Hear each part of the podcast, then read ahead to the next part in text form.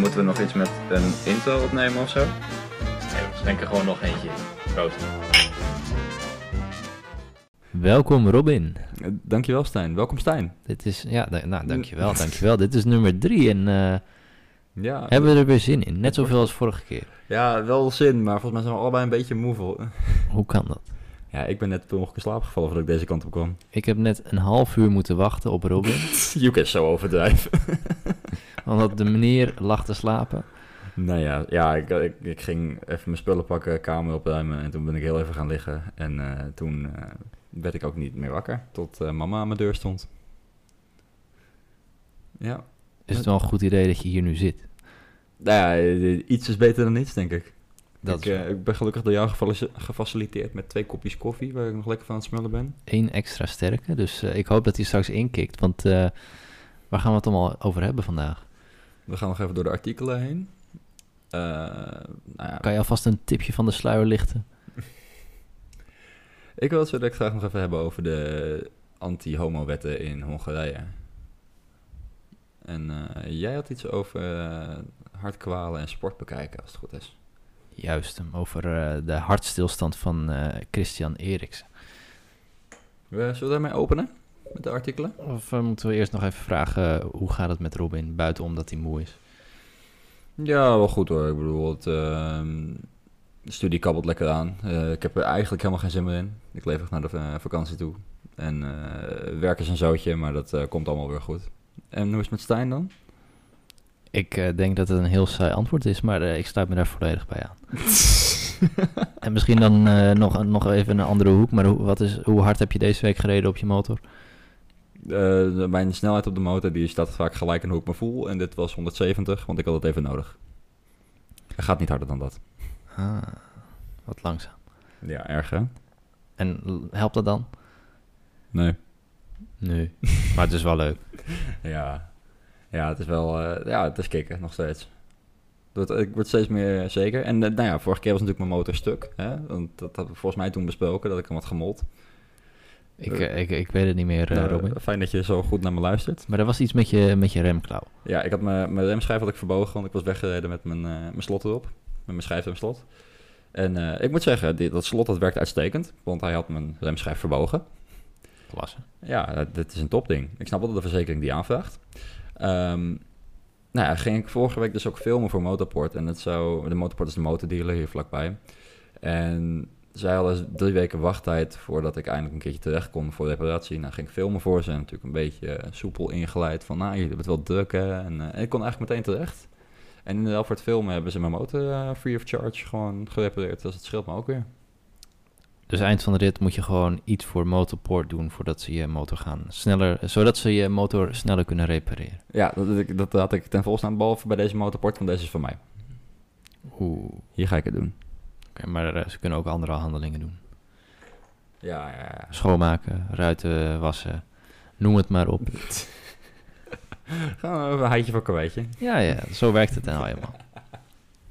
Maar Robin, jij hebt ooit aan topsport gedaan, heb je mij verteld. Ja, ik heb ehm, het ooit heel erg lang gefaked dat ik topsport... Nee, nee, ik ben... ehm, ik heb Eredivisie gespeeld. eh, volleybal met name. Maar is dat echt een sport? Nee, daar kan over getwist worden. Want je speelt met, met vijf man in een heel klein veldje. Dus eh, Eh, je speelt met zes man in een veld. Oké, dus nog makkelijker. Ja, nou ja, het, eh, het klinkt makkelijker dan het is. Maar die ballen die komen hard op je af en iedereen heeft zijn eigen specialisatie. Het is een eh, flinke uitdaging op niveau te doen. En bijvoorbeeld, ik ben een wat kleinere speler. Eh, ik ben 1,95, dat klinkt misschien niet als klein, maar op de top is dat echt wel een lilliputter. En dan merk je wel hoe lastig het kan zijn om de- het bij te benen en de snelheid en het spelletje te lezen. Maar ja, ik heb eh, dus wel een tijd eh, veel getraind. En, eh, En Wat, wat is veel? Over hoeveel uur praat je dan in de week? dat ik op de middelbare school zat. Toen trainde ik ongeveer 20 uur per week. Ehm, en toen ik echt de divisie speelde, toen is wel wat teruggegaan. Dat ik niet meer nou ja, op de, bij de jeugdtalentscholen zat. Dus toen trainde ik denk ik ongeveer eh 10 uurtjes de week. Dat het niet zoveel is voor de topsport. Maar wel intensief trainen. En daarbuiten ging ik nog naar de sportschool toe. Oké, oké. En heb je ooit last van hartkwalen gehad of last van je gezondheid door het sporten? ja, je, merkt soms wel dat je lichaam een beetje overbelast raakt, zeg maar. Dat je, je krijgt gewoon pijntjes en dingetjes. En eh, je voelt je ook een beetje gejaagd en gespannen op een gegeven moment. eh, zonder dat je echt iets doet. Eh, zeker als je, bijvoorbeeld ik ging dan tot half elf ging trainen. En dan moest ik nog naar huis toe en douchen. En dan ging ik volgens weer om vijf uur mijn bed uit om naar werk te gaan. En dan merk je dat je je slaap ook gewoon heel erg gaat missen. Eh, dus dat, weet je, dat, die combinatie die krijg je op wel eh, op een breekpunt, zeg maar. Dus het was voornamelijk echt vermoeidheid. Ja, voor mij was het heel erg de vermoeidheid. Geen zware blessures, breuken, kneuzingen. Nee, dat niet. Nee, eh, voornamelijk eh, eh, overbelaste pezen, dat vooral. Ehm, eh, ik heb altijd knieproblemen gehad, zeg maar, van het volleyballen, omdat ik een beetje een overbelaste pees heb in mijn knie. Eh, maar dat is, we hebben een teamfysio en die kon er eigenlijk wel heel goed mee omgaan. Dus daar nooit zo heel erg veel last van gehad. Oké, oké. Ja, dit is een beetje de inleiding van het eh, komende onderwerp. Want Christian Eriksen viel een week terug, volgens mij ondertussen. Ja, zo, zoiets. Viel hij opeens neer op het veld met een hartstilstand. Dat was verschrikkelijk om te zien. Ja, het was echt heel erg heftig. Het Ik- was, eh, was niet makkelijk. Maar nu leidt die discussie dus... Is zoveel sporten en topsport wel goed voor een mens? Ja, er er heerst wel een, eh, een... Ik heb heel vaak gehoord op een gegeven moment op de top... dat topsport helemaal niet zo gezond voor je is. Omdat je je lichaam echt na, naast je hart ook gewoon... Je, je, je spieren en je botten en alles. Dat je, te- je vraagt er zoveel van, van je eigen lijf... dat je het eigenlijk aan het slopen bent... in plaats van dat je aan je gezondheid aan het werken bent. En als je geblesseerd raakt, en zeker als je veel sport... lig je metabolisme, je, je motortje loopt hard... En je eet veel. En je ziet vaak dat als mensen gaan afbouwen die heel veel hebben gesport, maar ze blijven hetzelfde eetpatroon aan, dan eh, groeien ze heel snel dicht. En dus ook in dat, op, in dat opzicht lijkt het me ook niet zo heel goed. Maar inderdaad, voor, eh, de belasting voor je hart is ook enorm. Zeker bij een sport als voetbal lijkt me. Ja, want tot, tot wanneer kunnen volleyballers eh, bijvoorbeeld doorspelen op het hoogste niveau? Ja, eh, dat wisselt nog wel eens. Je hebt ze die bijna, eh, volgens mij was er laatst nog eentje, die is nu net 40 geworden, maar die is wel een, een paar jaartjes gestopt. Dus ik denk eh, echt wel de hele goede tot eind, tot half 30 of zo. Oké, oké. Dus dat is wel een beetje gelijk aan de voetballerij. Ik, ik denk het, ja. Het, maar dat is natuurlijk ook de, de, le- het zijn de leeftijden dat je ook echt wel begint af te takelen na je 30ste jaar. Gewoon niet meer goed. Eruit. Dan word je ballenjongen. Ja, dan mag je coach worden. Eh, nou, ik speel nu bijvoorbeeld één niveau onder de Eredivisie. En dan zie ik ook wel veel mannen die toch wel meer tijd gaan besteden aan eh, familieleven of meer een baan. eh, in plaats van echt het focus op de sport, wat de jeugd ermee doet. Is dat omdat, ze, omdat het zwaar is of omdat volleybal niet genoeg verdient? Oh, het verdient geen fluit. Het, de, ik heb een maatje van me die speelt dus echt bij het beste team van Nederland nu. Ehm, en die, nou, het, het is niet leefbaar zoals voetbal. Voetbal is echt een, eh, bijvoorbeeld bij de keukenkampioen divisie kan je er ook al echt best wel flink geld mee verdienen. Bij volleybal is dat echt niet het geval. Echt eh, de top van de top moet je dan spelen. Wat verdient dat maatje van je? Eh, dat, dat wil ik niet. Dat, dat weet ik niet precies. Ik weet dat hij minder verdient dan wat mijn studentenloontje is. En dat, Dat is niet best. Dat, nee, nee, dat is zeker niet best. Eh, is om en nabij de, de 1000 euro, zeg maar. Eh, Per maand. De, de maand, ja. Dan moet je wel bij de bedenken dat hij wel huisvesting krijgt en een autootje van de club. Eh, alleen eten en drinken moet hij zelf nog doen. Dus hij rijdt gewoon een dikke Mercedes en heeft een villa ergens midden in het land. Nou, dat, dat dan weer net niet hoor. Maar eh, gewoon een auto, gewoon, het, het is een auto, zeg maar. Het, het heeft vier wielen. Het, eh, een, een, een, frisdrankautomaatje zou ik het noemen. Maar het is meer dan niks. Het is meer dan wat ik heb. ja, dus, dat is ook waar. Maar het is niet eh, dat het begint bij 10.000 euro per week. nee, nee, zeker niet. Nee, echt verder van. Ook, eh, ook bizar veel natuurlijk. Maar, Ja, dat is wel heel veel. maar goed. Het is niet leefbaar. Ik eh, had er wel aan om iets bij te doen. Maar terug naar het onderwerp. Want eh, het schijnt dus zo te zijn dat je ongeveer per week 120 tot 150 minuten moet sporten. Of in beweging moet zijn. Of het nou aan het wandelen is of hardlopen, noem het maar op. Dat schijnt de norm te zijn. En nu is het dus heel beangstigend voor jongere mensen. Eh, of zij wel topsporter moeten worden. En of, zij, of, of dat wel goed voor hun lichaam en voor hun hart is. Want hoe weet je nou of je kans maakt op een, eh, een hartstilstand? Ja, oh ja. Want ik heb dat verhaal van Eriksen niet helemaal gevolgd. Eh, maar had hij van tevoren al klachten? Wat hij, merkte hij al een paar dagen in aanloop ervoor dat hij iets had? Of Nee, helemaal, niks, van helemaal niks. spontaan? eh? Nee. Oké, Ik denk dat het overbelasting is geweest. Ja. Ja, dus ik weet niet. eh, eh, Ik heb niet het idee dat er veel over is losgelaten over zijn conditie, zeg maar. Naast dat hij gewoon... eh, Nou ja, hij, hij- condities als in daarna kon hij gewoon, hij zat rechtop. Nou ja, hij, hij hing rechtop. Hij Ja. keek een beetje dof uit zijn ogen, maar op die brancard. En hij, hij kan weer lopen en noem het maar op. Dus daar hebben we heel veel mazzel mee gehad. Maar mhm. goed is het niet. Nee, zeker niet. Nee. De, die gasten van eh, nou, het Nederlands Nationaal Voetbal, die zijn natuurlijk echt belachelijk fit. Hè. Die trainen echt superveel. En die hebben ook, eh, nou, die, die zullen stuk voor stuk waarschijnlijk ook een enorme sportharten hebben. Als ik er zo naar kijk hoe fit ze zijn hoe lang ze door kunnen. En dat zij doen dingen die ik echt van mijn leven niet zou kunnen. Ehm, ja, ik denk wel dat je heel veel voor je hart vraagt. Zeker in zo'n intensiteit. En daarnaast ook natuurlijk de spanning en eh, de, de druk. En misschien ook wel sociale factoren. Je weet niet wat er in zijn persoonlijke leven aan de gang is. Dat speelt ook altijd mee. Eh, en ja, het is ook ergens soms wel eens domme pech, hè? Het hoeft niet per se iets met sport te maken te hebben. Weet je, net zoals met roken. Mensen die al 40 jaar roken, die, je, je hebt ze die roken 40 jaar en die ontwikkelen nooit een longtumor bijvoorbeeld. Dat maakt alleen de kans groter. Die bewegen zeker eh 2,5 uur per week. ja, die houden er heel strak aan vast. Nee, want het schijnt zo te zijn dat mensen die eh, bijvoorbeeld 10 uur sporten per week en mensen die, eh, die zijn, nee, andersom, mensen die 20 uur per week sporten zijn niet per se gezonder dan eh, mensen die eh 10 uur per week sporten. Dus op een gegeven moment is die curve, eh, sport is op zich goed voor je, daar is geen, geen, eh, geen, Mhm. ja, Ja, geen, geen twijfel over ja. mogelijk, maar waar ligt die grens? Op een gegeven moment gaat die curve gewoon... eh, En wat, wat denk jij? Waar denk jij dat de grens ligt? Ik weet niet hoeveel Eriksen heeft eh, gesport, maar eh, ik denk, ik denk dat je gewoon, nou wat zal het zijn, een half uurtje per dag. Nou ja, oké. Dat is meer dan, nou ja, kijk, de grens is, dat ligt natuurlijk veel hoger, maar dat is gewoon de norm. Ja, dat je een half uurtje beweging, bijvoorbeeld nou, die 20 minuten wandelen of zo. En dan eh daaromheen Ja. heb je ook nog wat dingetjes die je doet. Ja. Ehm, ja, ik denk, dat, ik denk dat het voor iedereen anders is, want elk lijf is anders. Eh, de een die heeft eh, een slechte enkels bijvoorbeeld, en de ander die heeft van nature betere conditie of meer aanleg voor spieropbouw. Ehm, het belangrijkste lijkt me gewoon luisteren naar je lijf. Want ik kan me bijna niet voorstellen dat het zo spontaan was. Misschien heeft hij, was hij al misselijk van tevoren. Of eh, ja, er werd al aangegeven dat hij, eh, toen hij aan het voetballen was, dat hij al een beetje eh, wazig keek en een beetje misselijk of een beetje wittig was, volgens mij. Tenminste, zoiets heb ik gehoord. Ik zou het niet weten. Eh, maar de, het was niet dat hij ineens, ja, hij stortte wel ineens neer, maar daarvoor zag hij er ook al niet goed uit.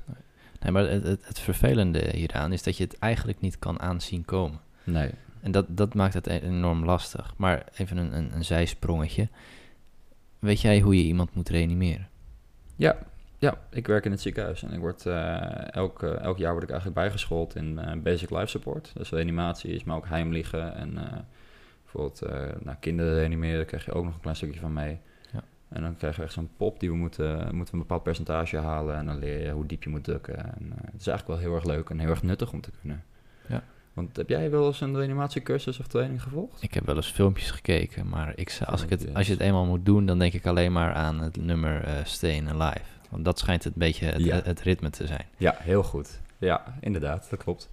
Als je dat aanhoudt, dan eh, wat, dat doe ik namelijk tijdens mijn, eh, mijn toetsingen voor die reanimatiecursussen. En dan haal ik, ik haal elk jaar wel een hoog percentage. Het, eh, Daar gaat het uiteindelijk om. Maar ik denk dat er ook heel veel mensen zijn die het niet weten.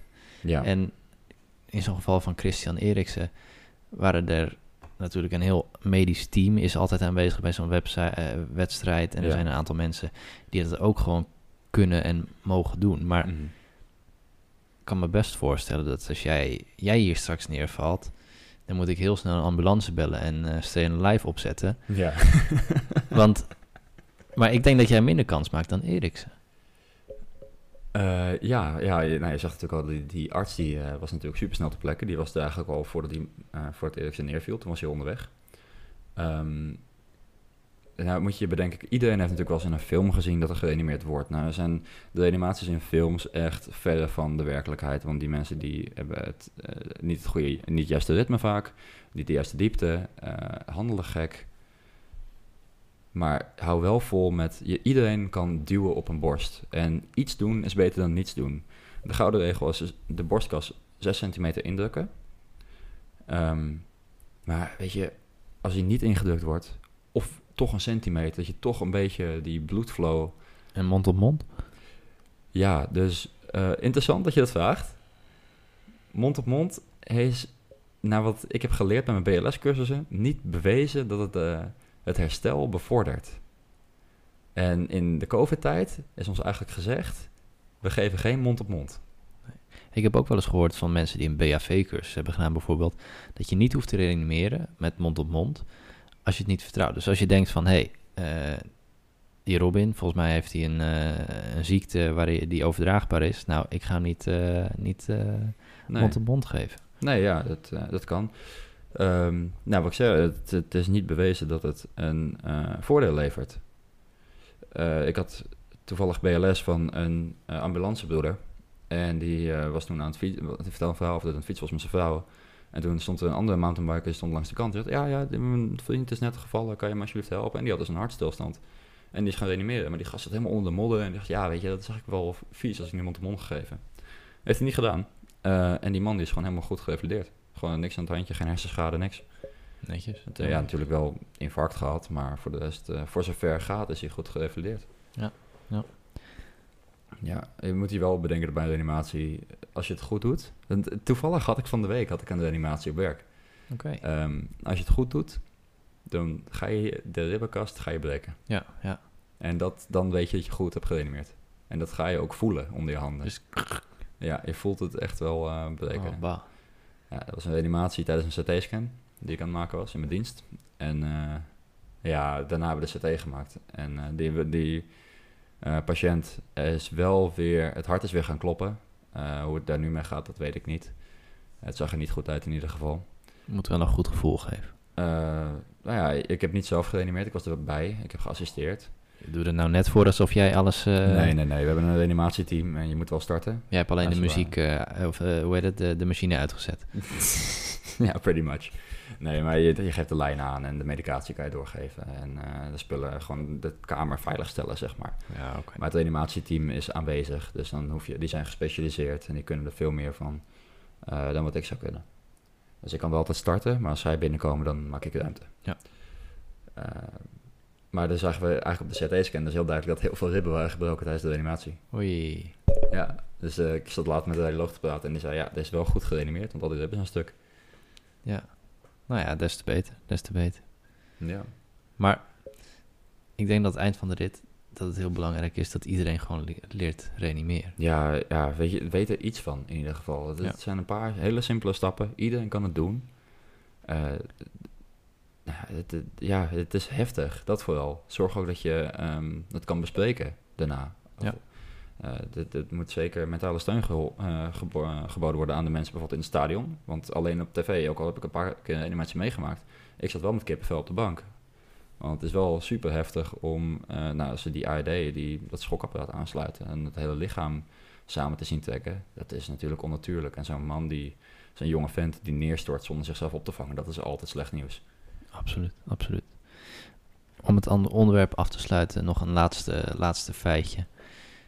Of nou ja, of feitje, dat weet ik niet. Maar een leuke observatie. En dat was tijdens het WK in uh, 2014. Dat was in Brazilië uit mijn hoofd. Mm -hmm. Hoop ik, anders heb ik het nu helemaal verkeerd. maar wat schijnt dus te zijn, er is een onderzoek geweest in Duitsland. En in het WK 2014, of tijdens het WK 2014, dat, ja, dat jaar, is er een piek geweest van, uh, met, waarin er 4% meer hartstilstanden hebben plaatsgevonden in dat specifieke jaar. Oké. Okay. Nou, dan is er natuurlijk niet een direct verband te leggen, maar het jaar daarvoor was een normale waarde en het jaar daarna ook weer. Dus okay. alleen tijdens het WK was die piek. En toen wonnen ze natuurlijk het WK. Dus dat moet vol spanning zijn geweest. Dus ja. het kan zo zijn dat gewoon zitten en kijken naar voetbal net zo of nog wel schadelijker is voor je hart dan daadwerkelijk sporten.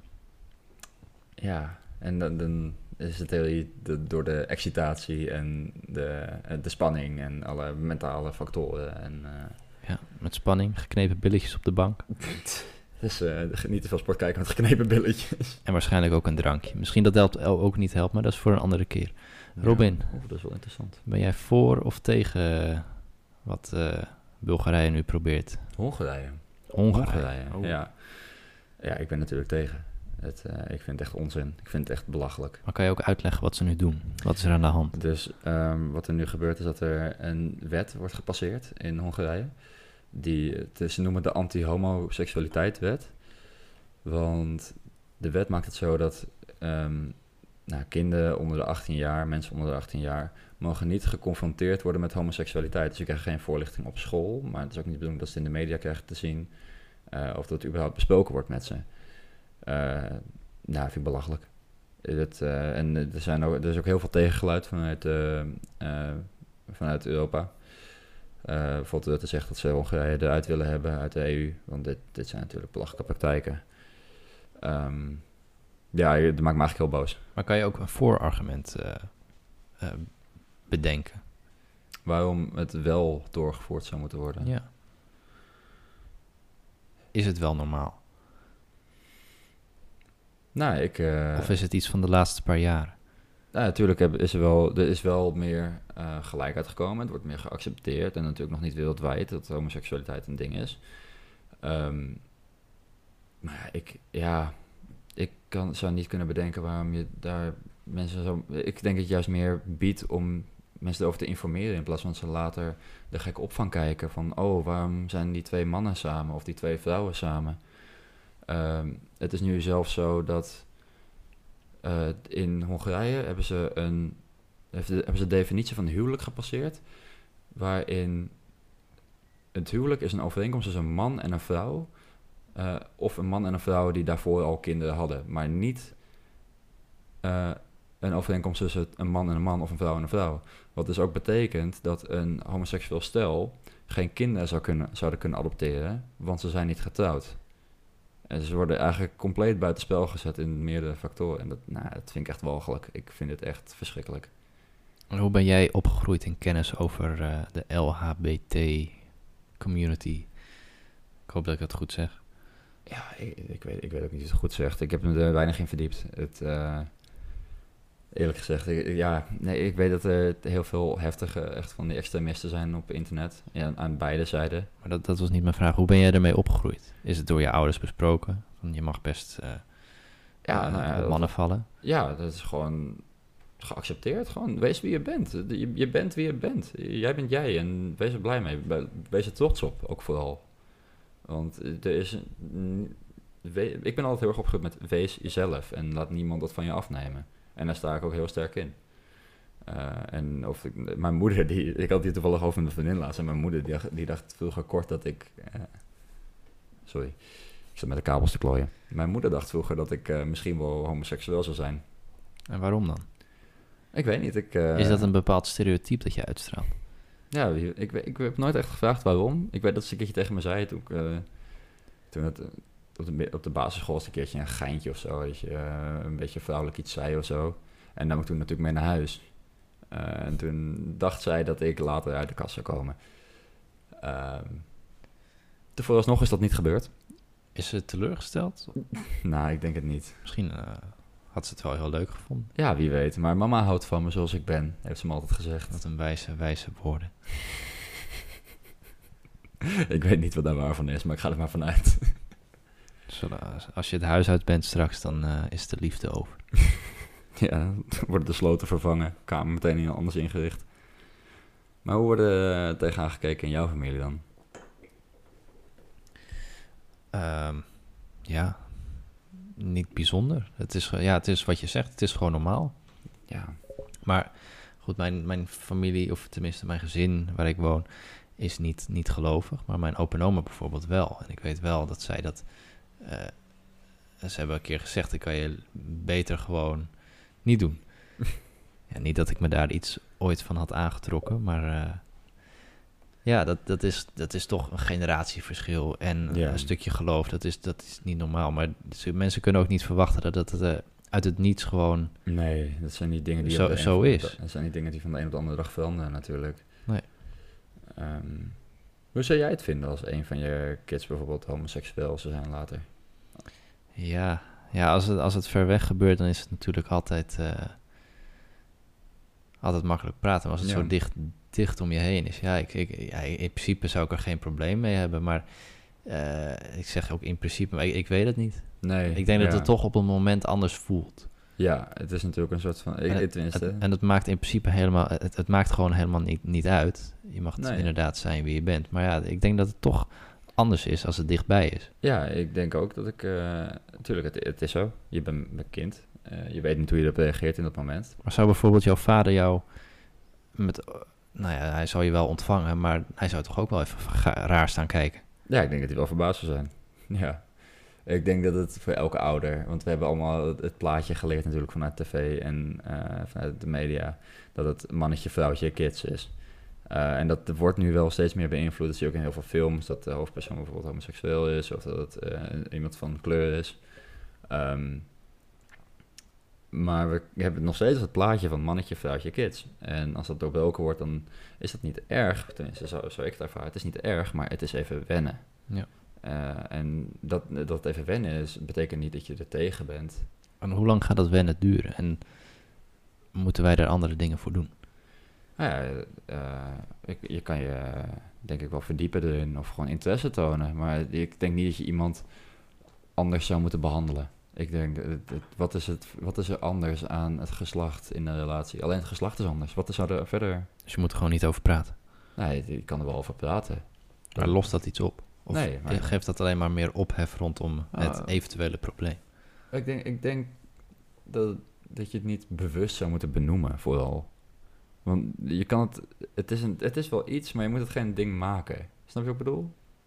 Ja. Als je het constant soort van gaat benoemen of naar gaat vragen. Kijk, aan het begin is dat misschien wel van, nou, hoe weet je dat dan van jezelf? Hoe ben je erachter gekomen? Sinds wanneer weet je het? Ehm, dat, kan, dat zijn natuurlijk gewoon hartstikke normale vragen in mijn optiek. Maar om, nou te ja, om het nou continu maar te blijven benoemen, dat lijkt me onnodig, toch? Het is nog steeds dezelfde persoon en het nog steeds, hij is hartstikke dol op zijn vriendje of op zijn vriendinnetje. En Het gaat erom gewoon om wie je bent. ja, ja dat, dat is de kern van het verhaal. Het is gewoon you, you do you. Mooi, mooi. En eh, gaan we gelijk door naar, eh, naar de volgende. Had jij nog een... eh, Ik, ik wil echt nog even één vraag stellen, want ik, daar kom ik eigenlijk van het, van het homoseksualiteit kom ik op een ander eh, onderwerp. Wat vind jij van de meerdere vormen van geslachten die elke keer erbij komen? onzin? Dank je. En we En gaan dan- door. Uitgesproken. nee, ja, ik, ik weet niet, man. Ik, kan er, ik, ik snap er ook niks van. Waarom kan je ondertussen als alles identificeren? Kijk, als je misschien in een soort van transitie zit. Van, nou, ik weet het nog niet of wil ik liever niet benoemen. Want die optie heb je bijvoorbeeld op internet, weet je wel. Dat je niet man of vrouw, maar anders of x. Of, Ik wil dat niet benoemen. ja. Ehm, ik, ja, dat is, dat is prima. Maar ik ga niet. eh, je hebt allemaal van die, eh, van die voorzetsels of zo. In plaats van hij of zij. En hebben ze allemaal andere dingen eh, bedacht. Ik, ik weet het niet. Ik, ik snap er niks van. Ja, ik, ik hou me er eerlijk gezegd ook niet bezig. Kijk, Nee. Biologisch gezien ben je of een man of een vrouw. Ja.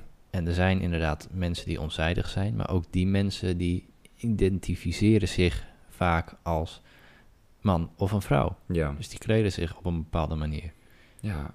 El- elke cel in je lichaam die bevat chromosomen. En XX is vrouwtje. XI is mannetje. En dan heb je een paar syndromen zoals XXI. En dat zijn allemaal al, dat zijn ziektebeelden. Eh, maar in essentie is het of man of vrouw. En er zit niks tussen. En ik begrijp, ik, ik begrijp het nog niet. Ik, eh, misschien dat het ooit een beeld meer gaat dagen. Maar ik, eh, voor nu is, vind ik het ook niet nodig om er verder in te verdiepen. Ja, ik zal nooit een, eh, een, een gender study doen. Van zo lang zoals we leven niet. Echt niet. Het, nee, nee, het is niet voor mij weggelegd. En denk je nu niet dat alle luisteraars triggered zijn? Ik hoop het. Misschien zijn we nu eindelijk trending. Nee, ik denk het, ja. negatieve aandacht is ook aandacht. hè? Ja, zo is het. Daar begint het mee. Ja, even, eh, Instagram heeft onlangs een update, eh, of gaat een soort van test voeren. Even om mijn volgende onderwerp eh, aan te snijden meteen, zonder enkele vorm van overgang, gewoon keihard erin. Bring it on. Stel, jij zet een schulden op Instagram. Ja. En er komt opeens een foto of een post van iemand voorbij die je echt nog nooit in je leven hebt gezien. Mhm. Gewoon op je feed en niet op je ontdekpagina. Het is geen advertentie, het is gewoon zomaar iemand. Ja. Kijk je daar op of zou het je niet eens echt raken? Oeh, lastige vraag. Nou ja, kijk, ik, ik zit soms ook eh, in mijn... eh, in, je, hebt, je hebt ook een ontdekpagina op Instagram. Ja, Nou, daar kom je ook dus wildvreemde mensen tegen die niet, maar, niet maar zo dat, dat is de bedoeling van die ontdekpagina, toch? Ja. Dat je nieuwe dingen ontdekt. Maar op je For You page, zeg maar. Gewoon op je home. Waar je, Mhm. je volg, volgende accounts. Je ziet je memes, je ziet je vrienden, je ziet je Mhm. vriendinnetje. En, dan opeens een wildvreemde. en dan opeens een wildvreemde ertussen. Ja, ik denk dat het gewoon een, eh, een, eh, een goed algoritme is die denkt van... hé, hey, misschien ken je die en eh, misschien kan je die ook gaan volgen. Want daar, Ja. daar gaat het uiteindelijk om. Want dat willen ze gaan doen. Ze willen dus gewoon een soort van post van vreemden die je niet volgt, die je niet kent, willen ze tussen jouw normale feed gaan doen. Eh, en dan kan je wel instellen wat je wel zou willen zien, welke onderwerpen. En ze gaan ja, dat, wat je zegt, dat algoritme toepassen om te kijken of je iets wel interessant vindt. Ehm, maar ik snap de overgang niet met je ontdekkenpagina. Want nu ga je een soort van mix maken van de twee. Het is gewoon meer pushen. Hoe meer, hoe beter. Daar gaat het uiteindelijk om. En hoe meer mensen je leert kennen, hoe meer je dat platform gaat gebruiken. En hoe meer je het gaat waarderen en hoe meer je verslaafd gaat raken. Want volg jij bijvoorbeeld mensen op Instagram die je echt helemaal niet kent? Die gewoon, eh, kijk, een, een bekendheid of zo is natuurlijk anders. Of een goede speler. Of, maar echt gewoon iemand zoals jij of ik die niet verder bekendheid heeft. Volg jij iemand die je echt gewoon nog nooit hebt gesproken? Nee. Nee. ik ook niet. Ik heb het profiel afgesloten dat andere mensen mij ook niet kunnen zien. Ja, ik vind het ook niet interessant.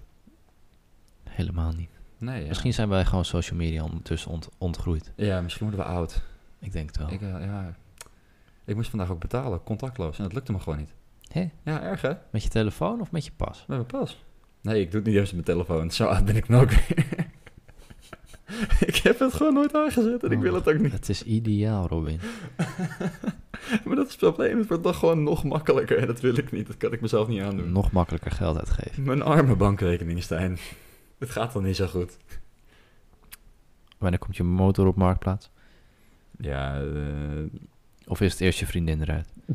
eerst mijn vriendin op Marktplaats. Had Nee, eh, nee, die ga ik niet verkopen. Dat, dat is wel zo. De motor en alle accessoires erbij is misschien duur in aanschaf. Maar daarna lach je echt kapot om de brandstof en om die verzekering. Ik eh, kan om en nabij de 400 kilometer met mijn tank. Dat is wel vrij veel. Ehm, ja, ja, als je 100 rijdt, hè, want je rijdt... eh, Ja, en, en dan even voor de duidelijkheid. Er gaat 10 liter in de tank. Zo, eh, dit denk ik 15, zou ik gokken, zoiets. Ja. Eh, maar ik betaal, ik denk altijd euro 98, want dat is lekkerder voor mijn motor. Mhm. Ehm, 2 euro per liter. Ja, maar ik betaal max 20 euro bij het tankstation per keer. En eh, voor mij betaal ik iets van, ik wil zeggen, eh nou, 25 euro het jaar of zo voor mijn wegenbelasting. Dat is echt niks. Het gaat echt nergens over. Ik, ik heb ook mijn motor maar gewoon all risk verzekerd, want het, het- ook dat, dat is het duurste eigenlijk. Ik ben dan iets van 115 euro per maand kwijt of zo. Oké. En dan ben ik wel gewoon voor mijn eigen domme shit verzekerd. En eh, voor, ja, Dus de premie gaat dit jaar wel omhoog. Omdat je eventjes... eh Nee. Nee, ik heb het niet, ver, ik heb het niet verhaald. Ah, dat is natuurlijk gratis gedaan, of niet? Ja. Top, top. En eh, als je nou later mag kiezen, waar zou je dan willen wonen? In welk land? Ja, moeilijke vraag. Want ik, ik zou, als het echt wonen is, dan, ik hoef niet per se weg uit Nederland. Ik, ik heb die behoefte niet. Maar als ik echt een ander land zou moeten kiezen, dan zou ik misschien wel voor Scandinavië gaan of zoiets met een vette natuur. Dat je gewoon eh, vakantie in eigen land kan gaan. Ik denk niet dat motorrijden daar een succes is. In Scandinavië?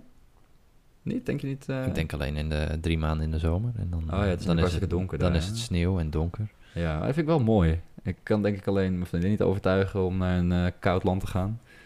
Maar ik vind dat wel prachtig hoor, zo'n natuur. Het eh, daar loop ik wel warm voor. Ik zou, mijn oom die woont bijvoorbeeld in Thailand, dat zou ik dan echt niet zo snel doen. Dat ik gewoon eh, het hele Waarom jaar- Ja, het, het, het is een soort van tropisch warm daar continu. Als je dat niet gewend bent, dan wordt het niks. Nou, ik, ik, ook daar ben ik op een gegeven moment ben ik gewoon klaar met het zweten. Ik hoef het niet. Het, eh, ik heb liever gewoon een beetje de, de, het zeeklimaat, zeg maar. Gewoon wat we hier hebben, vind ik heerlijk. Het eh, ontspannen, een beetje wisselende seizoenen. Je ziet alles een beetje.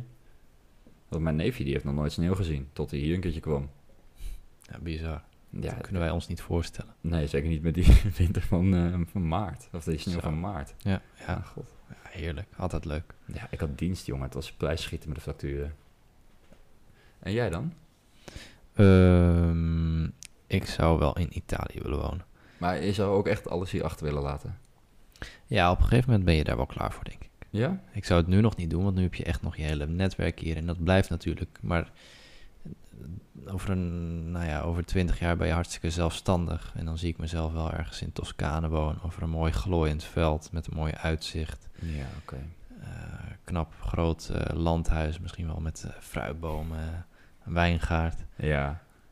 Ja, ik snap het wel. Eh, Dat is ik, gewoon de droom. ik zou er gewoon niet overheen kunnen komen om hier gewoon... Nou, mijn vrienden, mijn familie, eh, mijn werk... Weet je wel, nieuwe taal. Je hebt toch wat minder aansluiting. Ik weet niet, ik zou het heel moeilijk vinden om dat achter te laten. Dat leer je natuurlijk ruim van tevoren.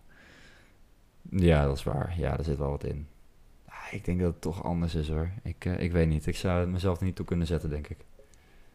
Ja, of, eh, misschien een vakantiehuisje. Eh, hoe zou jij aankijken tegen een vast huisje? Dat je gewoon elk jaar terug gaat naar dezelfde plek. Of bijvoorbeeld naar een camping of zo. Elke keer terug naar dezelfde camping. Deed je dat vroeger? Nee.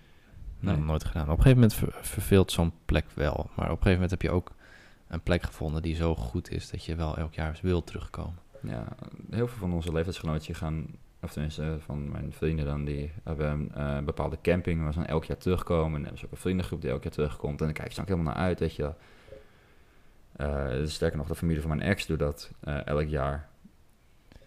En ik kan daar zo niet tegen. Wil je nog wat kwijt over je ex?